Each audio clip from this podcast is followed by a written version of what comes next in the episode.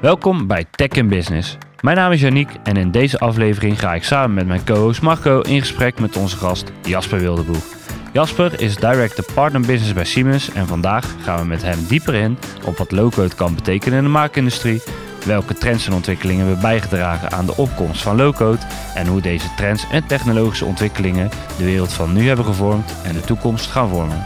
En zoals je van ons bent gewend, sluiten we af met een tip van Jasper om te zorgen dat jij direct aan de slag kan. Hey Jasper, welkom in onze podcast. Ehm, volgens mij niet je eerste podcast, als ik het goed heb. Ah, ik ben niet helemaal nieuw, maar uh, het is. Uh, ik heb vorige keer heb ik on the spot een, uh, een live podcast gedaan. dus ik heb mijn eerste strepen verdiend daarop. nou, super. Nou, in ieder geval een, zoals we zeggen, een ervaren podcaster aan, aan tafel. Dus in ieder geval bedankt dat je aan wil schuiven.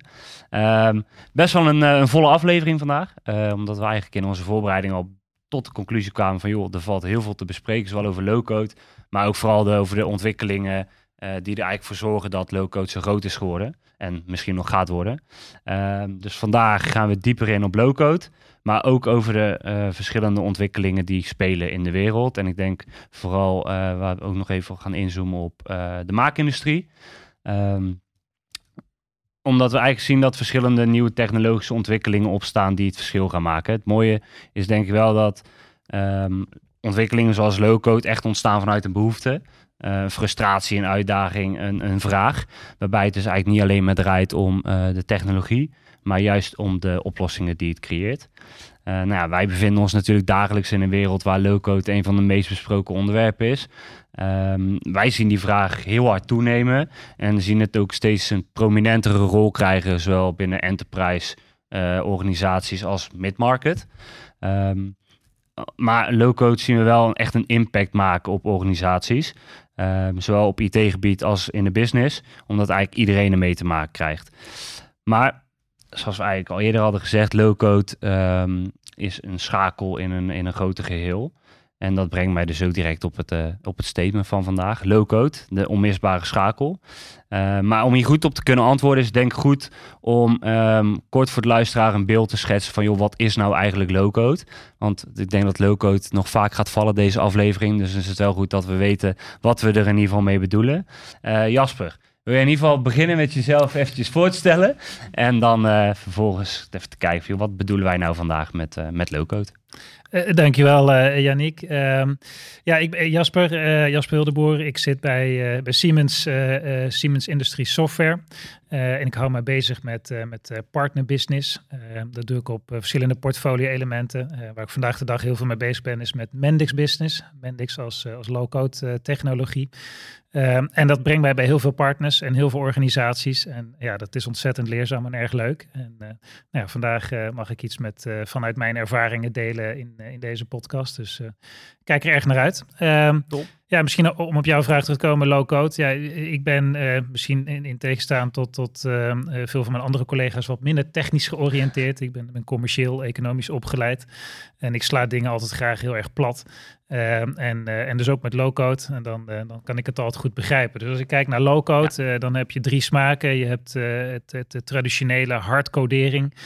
dat, dat kent iedereen nog wel. Dat zijn een, een groep mensen opsluiten in een hok. En die maandenlang iets gaan programmeren in allerlei nullen en eentjes. En ja. een fantastische oplossing kunnen maken. Het mooie daarvan is dat je natuurlijk wel een grote mate van flexibiliteit hebt. Omdat je alles kan maken wat je wil maken. Maar het is ontzettend tijdrovend kostbaar uh, en je hebt veel resources nodig om, om dat te realiseren. Ja. Nou, aan de andere eind uh, uh, heb je heel plat geslagen no-code. Ehm, ehm, dat is het eigenlijk op basis van standaard bouwblokken applicaties bouwen. Bijvoorbeeld een crediteuren-app of een klanten-app of whatever. Heel ja. recht door recht aan. Maar ja, wil je daarvan afwijken, dan, ja, dan ben je je bouwblok in principe kwijt en dan moet je weer naar hardcoding. Dus nou, wat zit daar tussenin? Low-coding. Low nou, hè, dat is het buzzwoord voor, voor nu, denk ik. Ja. Uh, en, en er zijn een aantal partijen die daarop op ingesprongen zijn, of best veel partijen die daarop in zich ingesprongen zijn. Um, en er zijn er enkele die, ja, die er echt uitspringen en, en rechtsbovenaan prijken bij, bij Forrester. En dat is Mendix, is daar eentje van. Ja. Mendix is een technologie die, die we vanuit Siemens een, een, drie jaar geleden hebben overgenomen, toegevoegd hebben aan ons portfolio. omdat wij zeker de, de waarde zien van, uh, van low-code in, in onze technology stack vanuit de manufacturing kant. Ehm, maar ook vergelijkbare trends zien waar, waar Mendix uh, actief is. Ehm, dus ja, dat, dat uh, is een beetje zoals ik er naar kijk. Ja, ja, ik ga zo meteen uh, inderdaad misschien nog wel even wat verder in op, joh, wat is nou de reden voor, uh, voor een Siemens bijvoorbeeld om echt uh, in te stappen in, in, in Mendix en in low-code. je had het net over, ehm, over trends en ontwikkelingen, die er eigenlijk voor hebben gezorgd dat Siemens die, die kant toch op is gegaan. ik denk een een mooie, mooie, mooie stap naar, uh, naar de volgende. Uh, als we even kijken, joh, laten we even aan het begin beginnen. Uh, Jasper, je bent al nou ja, een, bijna een decennia werkzaam bij Siemens. Um, en in de branche richting maakindustrie. kan jij ons eventjes meenemen in, in die wereld, in jouw wereld van, van de maakindustrie, maar ook trends en ontwikkelingen die jullie vanuit, vanuit Siemens en vanuit Mendix nou echt in de markt zien ja. gebeuren? Uh, zeker. Uh, ja, heel veel gebeurd. Ik, inderdaad, zit er uh, bijna elf jaar bij, bij Siemens. Ik weet toen ik begon midden 2010 bij Siemens waren we nog in een early stage van de initiële overname van het grote Siemens in de softwarewereld. En dus het bedrijf waar ik origine voor, voor werk, dat heette Unigraphic Systems. En dat was een bedrijf wat met name actief was of is in, in, in core engineering. CAD data, simulation, um, um, product data management, echt core elementen om, ja, om tekeningen digitaal om te zetten, te berekenen op, op sterktes, op zwaktes, op, op stromingen. En, en dat klaar te maken voor een machine. Hè? Dus CAM, ja. Computer Aided Manufacturing. Echt core engineering. Ik zal daar niet te veel mee vermoeien, maar dat is, dat is een beetje de achtergrond. Zo ben ik opgeleid binnen, binnen Siemens. Ja. En Siemens heeft ehm, bij de initiële overname van Unigraphic Systems in 2007 altijd een visie voor ogen gehad van ja, hoe kunnen wij nu meer waarde toevoegen aan, aan onze klanten, aan de gebruiker van onze technologie. En dan heb ik het over Siemens Industrial Automation. dan met name de tak die heel erg sterk is op het gebied van uh, controllers. Um, machine aansturing, machine control, um, planning, schedule, al dat soort zaken, wat, wat echt aan die fabriekskant zit. Hoe kunnen we dat nu uh, goed koppelen naar, uh, naar die digitale wereld? Nou, dat is door een geïntegreerd geheel aan te kopen en door simulation als, als, uh, als key onderwerp voorop te stellen. Nou, als je kijkt naar de afgelopen tien jaar, dan heeft Siemens, ik denk inmiddels al voor een 14, 15 miljard dollar geïnvesteerd aan, aan technologie, software technologie, om die visie van het simuleren van de echte wereld naar de digitale wereld uh, te volmaken. En eigenlijk is die nooit volmaakt, want je, je verrijkt die technologie altijd. Uh, dus we hebben geïnvesteerd in, uh, in core engineering, engineering naar manufacturing, manufacturing naar consumer. En waar we het dan over hebben toen de tijd heette dat ook al, hè, de digital twin, dat is ook zo'n buzzwoord. klopt, waar, waar vaak voorbij horen komen. ja, ja en, en, Siemens is daar ooit mee begonnen in, in, in 2007. Daar waren wij toen trendsetten mee. En uh, ja, tegenwoordig loopt iedereen daar mee hè, met digital twin. Iedereen roept uh, digital twin. En hetzelfde als, als hè, industrie 4.0. Dat is ook zo'n zo'n term wat, wat een eigen leven is gaan leiden. Maar uh, ook industrie 4.0, als je kijkt naar de Duitse maakindustrie, dan waren daar een aantal giganten die, die daarmee kwamen. En dat was Siemens, BMW en geloof nog een paar andere, die, ehm, eh, die daarmee kwamen eigenlijk met dat Industrie 4.0. We zitten in een nieuwe revolutie. en wat is die revolutie? Dat we geïntegreerd moeten gaan werken met alle complexiteit om ons heen. Dat we autonome systemen gaan creëren die zelf beslissingen nemen. Ja, maar heb je, heb je daar ook wat uh, voorbeelden voor voor onze luisteraars, zeg maar? Want dit is heel veel uh, buzzwoord, hè, ja. gehalte. Ja. Van we, we, we, zorgen dat de, ja, de business to consumers of consumer to consumer proberen we te verbeteren. Mhm. Van, maar wat, wat eh, kan je eens een leuk voorbeeld noemen voor onze luisteraars van uh, gewoon iets wat zij alledaags kennen? Van wat, wat, uh, wat daar dan voor hun het voordeel in zit? Ja, zeker. Ik denk ehm, de, een van de meest vooraanstaande industrieën op gebied van, van technologische ontwikkelingen is, is zeker de automobielindustrie. dat was vroeger al bij de eerste industriële revolutie hè, met, met de T-Ford, dat je uiteindelijk naar een massaproductie ging. Ja. En dat is vandaag de dag nog steeds technologisch gezien een een, een, een, ja, een voor, zeker een voorstander, voor, vooruitloper op de technologie. En waarom? omdat je massaproductie hebt, dus je kan enorme hoeveelheden produceren, maar toch customized leveren. Want jij als consument uh, kan gewoon naar de website toe gaan en je kan je auto configureren zoals jij dat wil. En een paar weken later rolt die exact zo van die band af.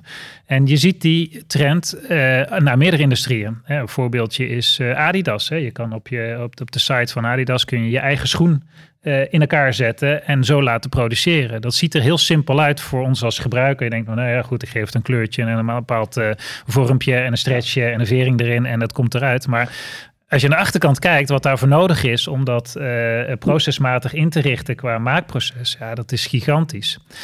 En je kan dat alleen maar doen op het moment dat je inzage hebt in alle facetten van dat maakproces. Dus van het core engineering uh, tot het simuleren, tot het maken, tot het aansturen van de machines, tot de planning. Alles moet geïntegreerd zijn, anders kun je zo'n service ook niet aanbieden. En Ehm, als ik dan een vergelijk doortrek naar bijvoorbeeld ehm, de industrieën waar Mendix juist weer wat sterker is uh, uh, in, in, in, haar business. En dan heb ik het over de, de business die wat meer de dienstverlening is. Hè. Kijk naar, naar healthcare of naar de financiële services. dus als jij een, een, verzekering wil afsluiten, dan wil je als consument wil jij gehoord worden door de verzekeraar. Je wil er heel dicht op staan. En als verzekeraar wil je jouw dienstverlening één op één laten aansluiten bij de behoeften van die eindgebruiker van, van, van jouw dienst. Nou, dat wil je in de maakindustrie ook steeds meer meer. je ziet Adidas, kijk naar de automerken. Maar je ziet dat in heel veel industrieën terugkomen. Dat uh, we steeds dichter op de eindgebruiker willen staan. Of steeds dichter op de volgende in de, in de supply chain willen staan. als je als voorbeeld neemt. Ehm, hier in de Nederlandse maakindustrie is natuurlijk het pareltje ASML.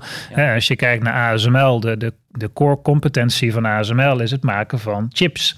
En uh, alleen uh, als je kijkt wat er gedistribueerd wordt van ASML, dan is de machine die zo nou, drie keer zo groot is als deze kamer, denk ik. Ja, dat klopt. Uh, ja.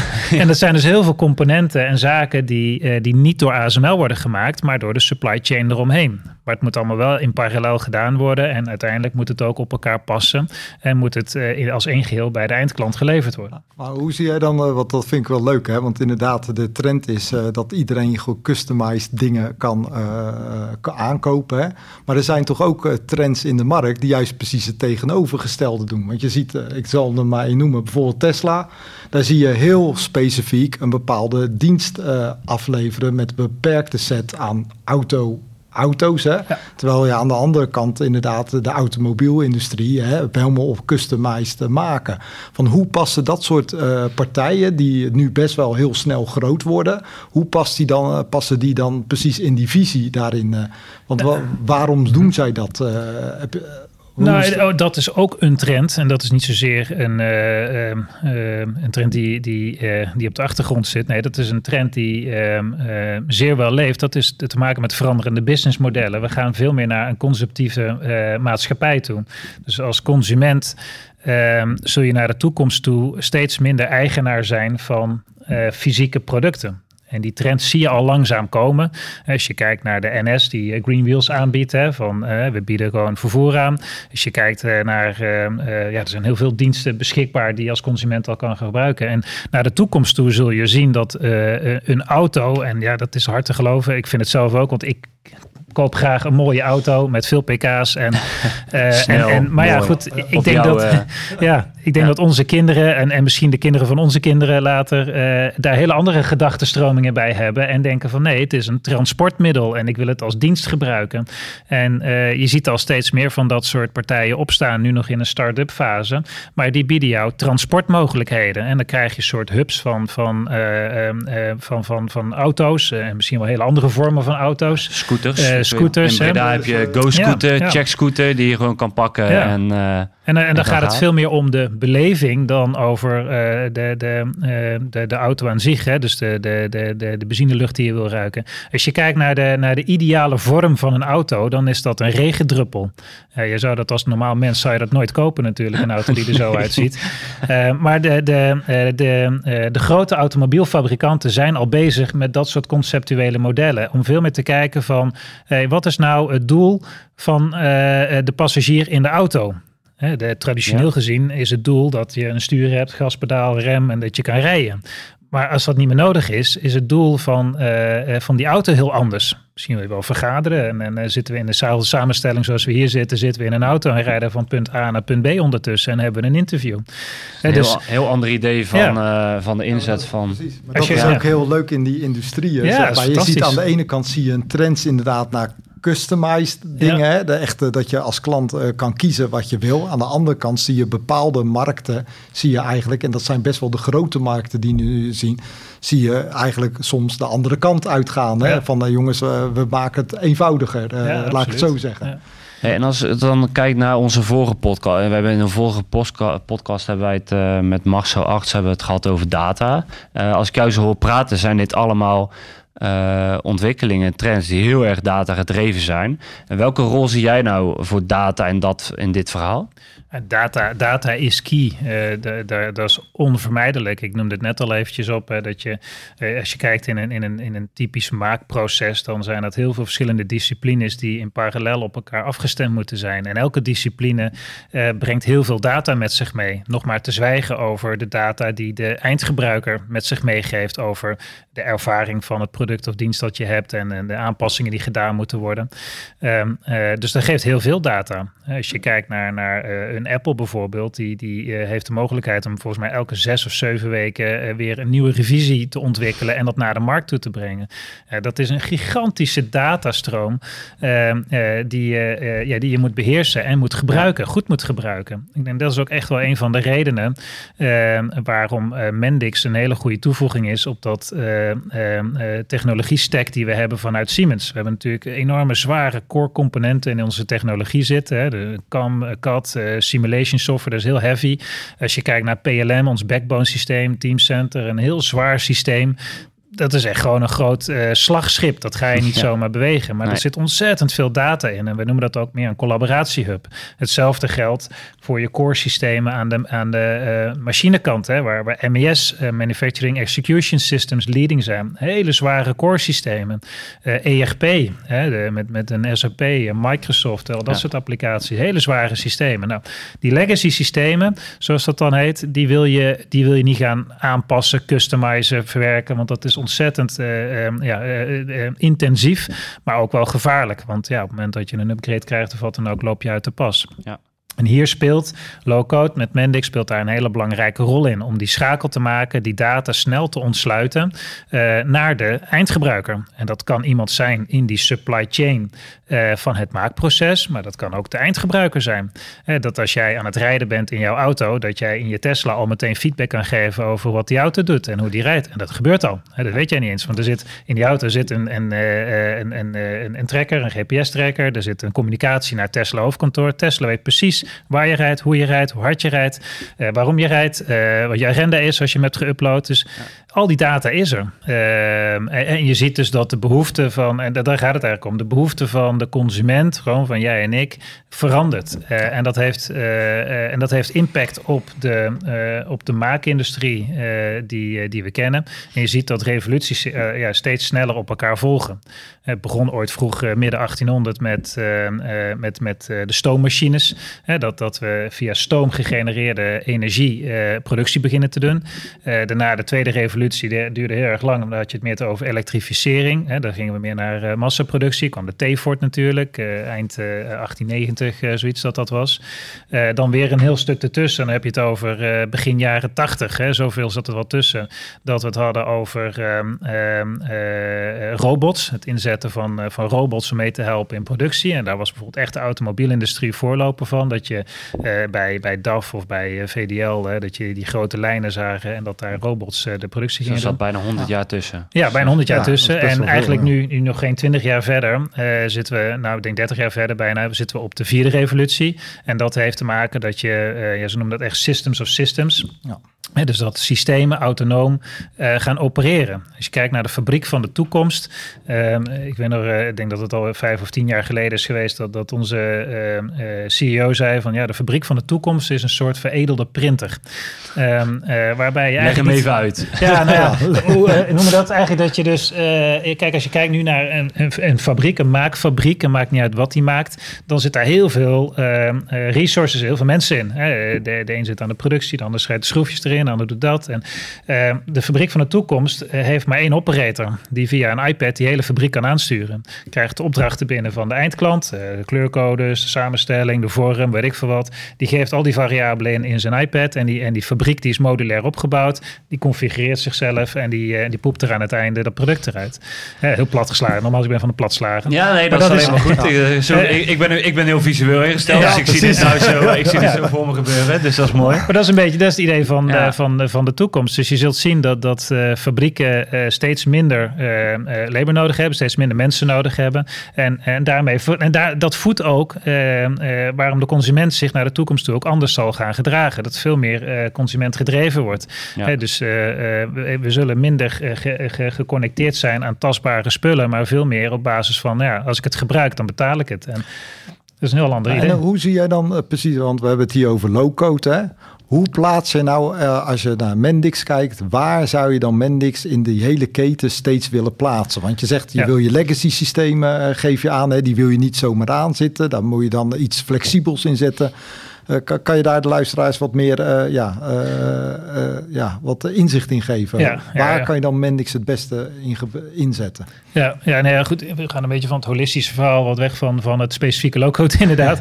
Nee, als je kijkt, hè, dus de, uh, eigenlijk uh, als je kijkt waarom, waarom heeft Siemens nou geïnvesteerd in, uh, in een low-code technologie? Eigenlijk was het ook al een beetje vreemd in de, in de industrie. Ik denk dat, dat veel partijen, misschien wel een andere grote partij, dat zagen overnemen. Ja, ik was verrast in ieder geval toen ik het las. Ja, ja, het is totaal iets anders dan wat ze de eerst deden, zeg maar. Dus, ja, en, en, en, ik denk als je, het, als je het heel simpel bekijkt, dan, dan is dat ook zo. Hè? Nogmaals, Mendix is heel sterk in, in niet in de maakindustrie. Mendix is sterk in, uh, in, in, de, in, de, uh, in de verzekeringen, de banken, healthcare, met name dienstgedreven uh, industrieën. Daar is Mendix heel sterk in. ik zie twee kanten. Eén is uh, de trend, uh, en, en daar heb ik net al even over stilgestaan. Hè. Als je kijkt naar de trend in de, in, in, bij verzekeraars en bij banken, dan is de trend met name dicht op die eindklant staan. Ja, je wil je dienstverlening, wil je één op één laten afstemmen met wat die eh, consument wil. Heel gepersonaliseerd. En, ja, heel gepersonaliseerd. En ik denk dat daar zeker de dienstverlenende industrie gewoon wel een paar stappen verder is dan, dan de maakindustrie. Um, en, en daarom dat low-code daar ook heel goed gedijt en heel goed, heel goed loopt. Nou, diezelfde trend zien we ook in de maakindustrie. En dat zien we tweeledig. Eén is dat ehm, er uh, meer en meer behoefte is om ehm, eh, ehm, eh, connectie te maken met die hele supply chain. Noemde dat voorbeeld van ASML al heel ja. eventjes eerder. Als je kijkt naar ASML, die heeft wel misschien wel duizend verschillende suppliers om zich heen om allemaal deelonderwerpen te maken, onderdelen te maken van, van die grote machines. Dus de hele keten. Ja, dus de hele ketenintegratie, dat is één. En twee, je wil als, als gerespecteerd maakbedrijf ook weten wat er gebeurt met jouw product bij de klant met de consument. Hè. Een voorbeeldje uh, met uh, uh, bijvoorbeeld Caterpillar is een, is een mooi bedrijf ja. wat, wat klant van ons is, wat gebruik maakt van onze technologie. de, machine, de bouwmachines ja, toch? Graafmachines, ja, graafmachines grote machines. Ja. En dat wordt allemaal met badges uitgeleverd, hetzelfde revisies. Maar zo'n graafmachientje van één zo'n type, ja, dat kan rustig over de hele wereld staan. En, en daar zit een service engineer op, die houdt dat in de gaten. En ja, wat je dus niet wil, is dat, dat als in Canada een bepaald defect optreedt, dan gaat het een normale cyclus door. Er wordt een service engineer gebeld. Uh, nou, dat, uh, die gaat dat dus even kijken van, oh ja, dat is eigenlijk een, uh, een probleem wat meer in de engineering kant zit. nou, die connecteert dat eens een keer terug naar de hoofdkantoor. En de hoofdkantoor gaat er kijken, hey, waar hebben we dat allemaal nog meer staan? Nou, daar kan wel weken, misschien wel maanden overheen ja. gaan voordat uiteindelijk Caterpillar proactief mensen naar die machine stuurt om dat te doen. Wat je eigenlijk wil, is dat dat één op één uh, uh, gebeurt. Dus dat, uh, we noemen dat predictive maintenance. Hè? Dat die ja. machine in Canada het signaal al meteen doorgeeft naar dat hoofdkantoor. En meteen al de link maakt naar al de batches die hetzelfde zijn en hetzelfde probleem heeft. En dan meteen die service engineers diezelfde dag de opdracht geeft. hey, loop eens naar die klant toe, want die gaat binnenkort een probleem krijgen. En de technologie die dat mogelijk maakt, is low-code. Ehm, niet zozeer je core systemen, want daar zit die data allemaal diep in opgesloten. Maar je wil de eindgebruiker, die, die, die man die op die machine zit, die wil je een, een, een portaal geven, een application geven, waarin hij dat probleem meteen kan loggen. of misschien wel automatisch wordt gedaan. En uh, daar helpt low-code enorm mee natuurlijk, om, om dat customized snel inzichtelijk te maken. Nou, dat is maar een voorbeeldje voor een klant. Als je kijkt in die ketenintegratie, dan gaat het veel meer over het connecteren van die legacy systemen. de, de slag te maken tussen ERP, MES, PLM al die zware, heavy systemen die heel veel data in zich hebben. Wil je snel data kunnen ontsluiten. Uh, dat uh, zowel een engineer het kan begrijpen als iemand van marketing, als iemand van HR en als de eindklant. Echt de interpretatie van en ja. weergave van data. Ja, en daar, en daar dus, dus dat heeft te maken met de trend. En de andere heeft te maken met uh, de technologische integratie. Dus integration is key. Um, uh, en flexibiliteit. Um, volgens mij heb het net ook al een beetje gezegd. Als je kijkt naar de, naar de afgelopen tien jaar, dan heeft Siemens uh, miljoenen, miljarden geïnvesteerd in, in overnames. Dat zijn allemaal technologieën. Ja. ik denk dat we vandaag de dag Bizar. wel 40 tot 50 verschillende portfolio-elementen hebben. Nou ja, dat, dat, moet ook allemaal met elkaar communiceren en praten natuurlijk. Ja, en als je nou kijkt naar, want we hebben natuurlijk uh, we hebben het nu een beetje over uh, wat low-code nu doet. Um, wat verwacht jij van low-code in de toekomst? Het heeft natuurlijk best wel een aanloop gehad. Het was een, echt wel een ontwikkeling um, die, die anders was dan uh, de gevestigde orde die op dat moment bestond. Um, ik denk dat het in de afgelopen jaren, ik denk vooral zeker de afgelopen anderhalf jaar, echt wel een, een vlucht heeft genomen. Uh, wat zie jij nou in de toekomst? Wat zie jij als toekomst voor, voor low-code? Nou, ik zie in de eerste plaats um, uh, de groei die we gaan doen in die maakindustrie. De, ja. daar, daar zit gewoon ontzettende uh, ontwikkeling in om dat te doen. Ik denk ehm, waar we de komende jaren uh, nog veel mee bezig zullen zijn, is die slag te maken tussen IT en business. Ja. Uh, dit is niet ja. iets wat morgen over is. En uh, sterker nog, dit is een trend die nog echt in de kinderschoenen staat. Hè. Vroeger ja, was het altijd dat IT heer en meester was in, in de organisatie. En je ziet dat de business gewoon sneller wilt. En dat heeft te maken ook met die, met die, met die revoluties. Hè. Eh, de, de, de innovaties volgen elkaar sneller op. Um, de business moet dus sneller. En IT die, die, die kan niet vanwege uh, nou, politieke redenen, geldredenen, whatever. Ja. er zijn allerlei redenen waarom dingen niet mogelijk zijn. En dus die behoefte uh, daar gaan we de komende jaren uh, nog ontzettend veel uh, mee bezig zijn. dus de, dus de, de, de innovatie is, is aan de ene kant zal niet drastisch veranderen. De technologie als low-code zal verder verbeterd worden en ja, nog precies. mooier worden en nog enhanced zijn. Maar de behoefte daarvoor wordt alleen maar groter. Ja. Ehm, en ehm, ja, ook het gemak waarmee, je, waarmee je applicaties snel kan maken, waar je snel legacy systemen in elkaar kan zetten. Ja, dat, dat is fantastisch natuurlijk. zie, je, zie je dan, als ik het misschien goed samen samenvat of niet. Hè? Kijk, je hebt uh, IT, OT. Zit dan tussen de IT en OT, plaats je daar dan echt low-code in? Of zet je meer low-code nog uh, aan de voorkant, uh, echt met de business van...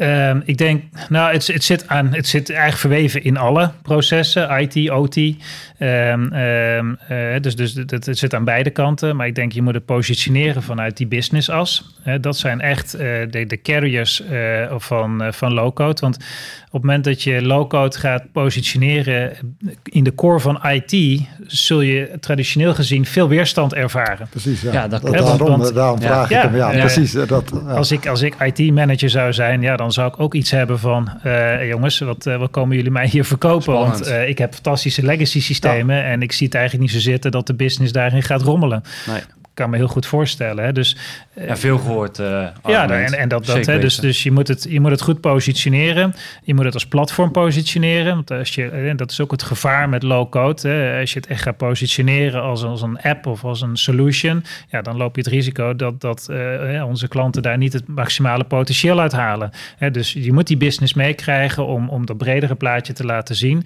om uh, meerdere processen aan te pakken. En dat kan zijn dat je vandaag naar binnen vliegt via een HR businesskant en morgen via marketing. En, hè, dus er zijn verschillende manieren om natuurlijk die propositie neer te zetten. Ja, dat is denk ik ook wel mooi dat deze, dat, ik, ik zie dit ook wel, denk iedereen was deze technologische ontwikkeling, wat we dan low-code noemen, is echt ontstaan vanuit een behoefte, vanuit een frustratie, vanuit een business perspectief. Ja. ja. die begrijp ik ook inderdaad. Ik begrijp ook wat jij inderdaad zegt. Want je gaf net ook al heel aan, netjes, je moet hem als een platform zien.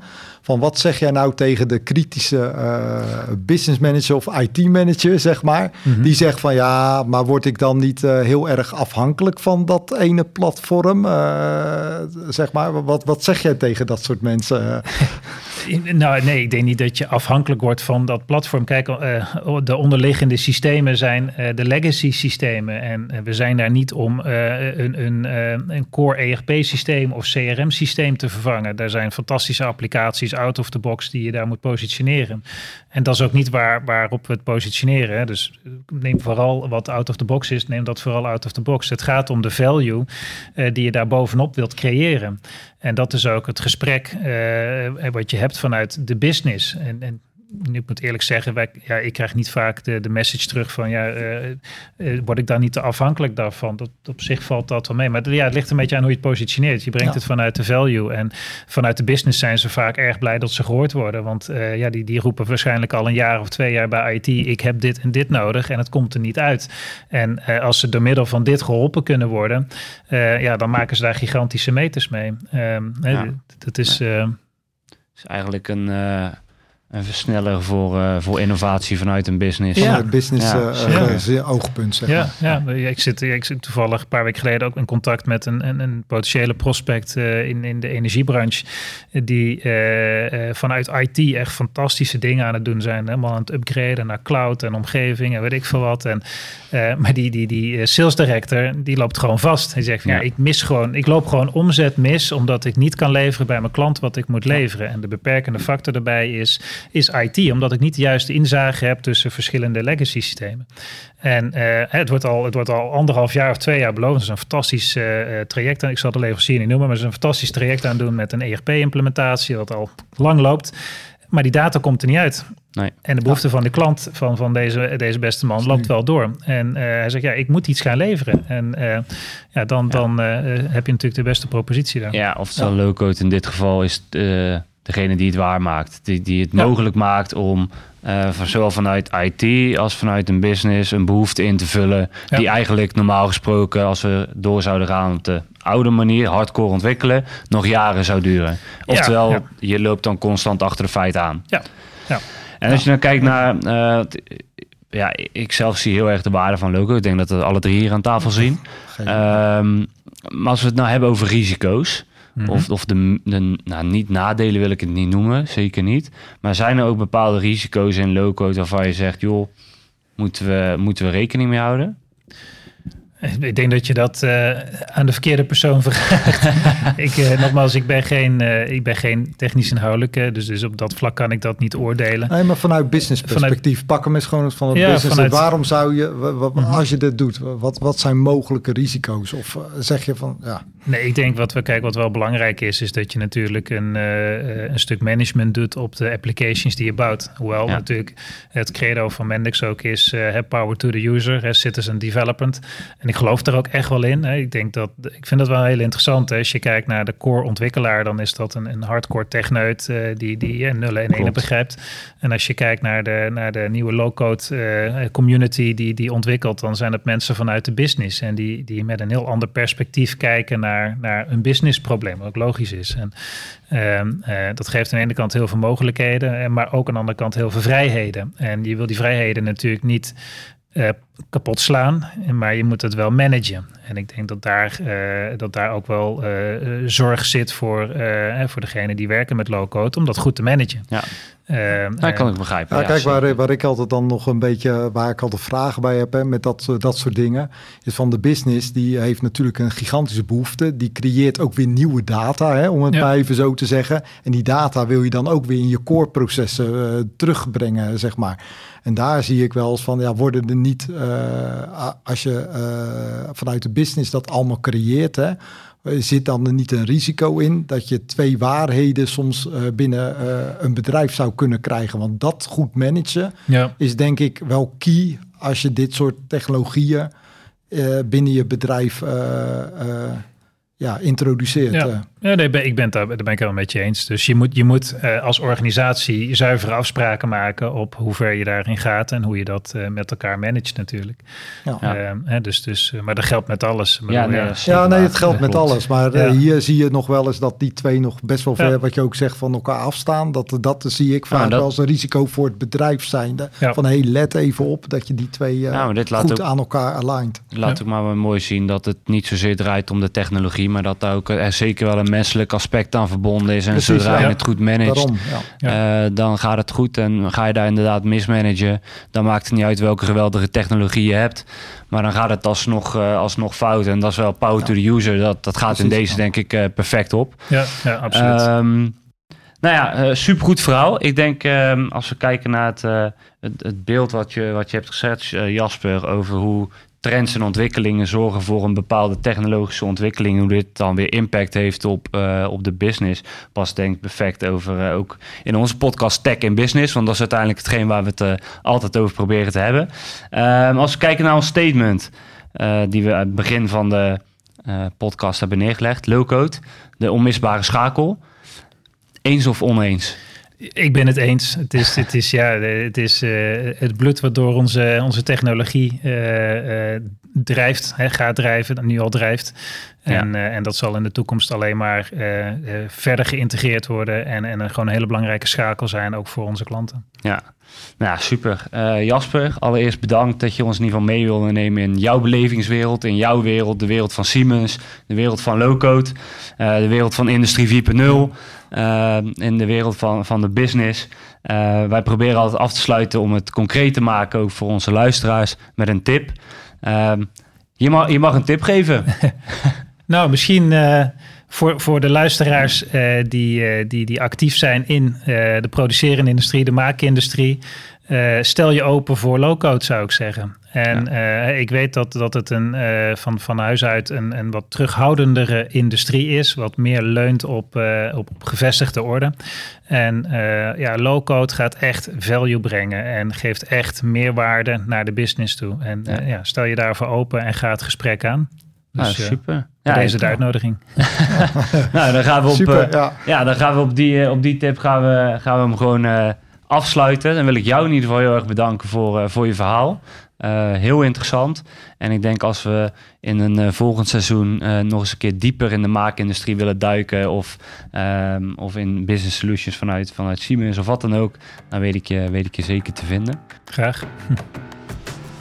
Dus even samenvattend. In deze aflevering hebben we het gehad over waarom low-code de onmisbare en verbindende schakel is. Hoe behoefte van de business met een sneltreinvaart verandert. En welke impact dit heeft op de manier waarop wij zowel vanuit IT als vanuit een industrie- en business perspectief naar de wereld kijken. Dus, zoals Jasper al zei, omarm low-code. Voor iedereen die geluisterd heeft, deel deze podcast met je netwerk. Laat ons even weten wat je ervan vond. En mocht je vragen hebben, kun je ons altijd bereiken via onze website. Deze is te vinden in onze show notes. Bedankt voor het luisteren en hopelijk tot bij onze volgende podcast.